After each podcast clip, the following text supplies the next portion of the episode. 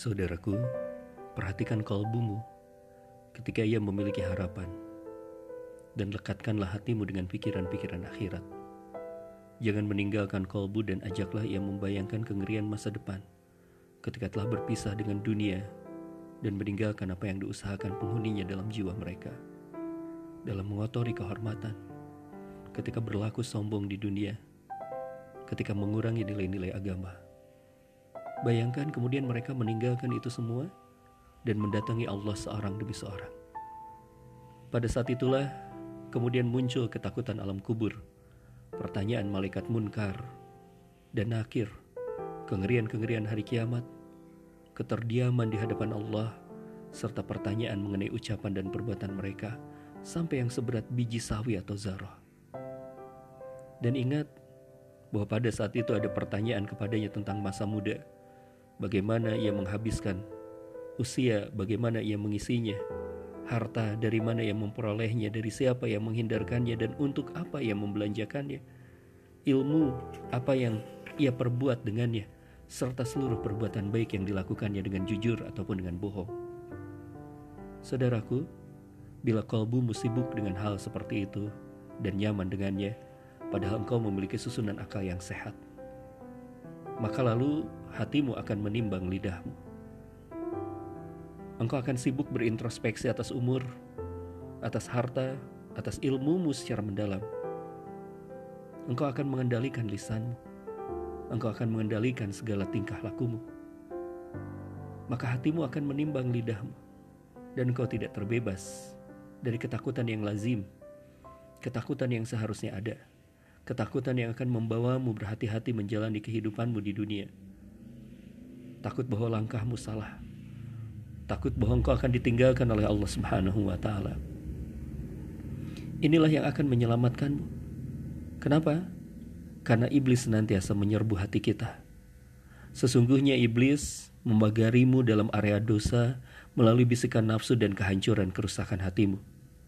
Dan hati itu rusak jika ia kosong dari ketakutan dan kesedihan yang seharusnya memenuhinya. Takut akan hukuman Allah. Sedih ketika tidak bisa berdekatan dengan Allah. Sedih ketika terhalang dari amal-amal baik. Maka hati akan rusak jika sepi dari hal tersebut. Pada saat itu, lalu iblis membisiki hati dengan rayuan tentang harapan-harapan duniawi.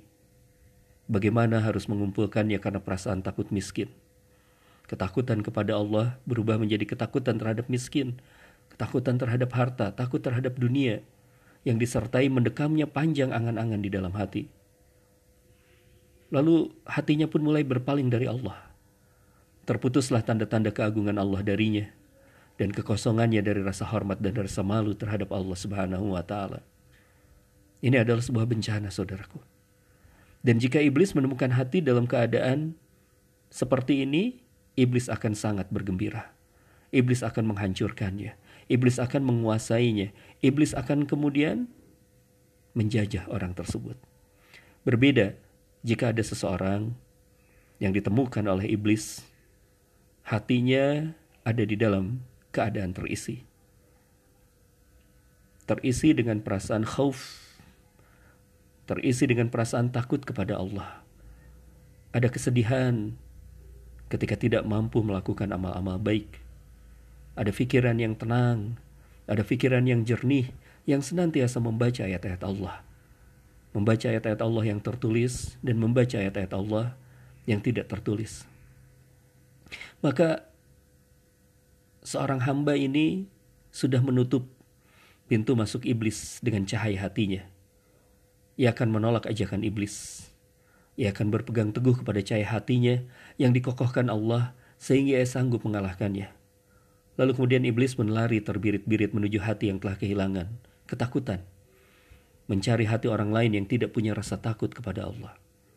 Lalu kemudian iblis pun menghancurkan dan menganiaya hati yang lain tersebut. Saudaraku, perlu kita ingat, bagi iblis tiada yang lebih berat ketimbang cahaya. Jika ia menemukan cahaya, maka ia akan merasa terganggu dan menjauh. Ia tidak akan mampu melawan cahaya kecuali jika manusia lalai.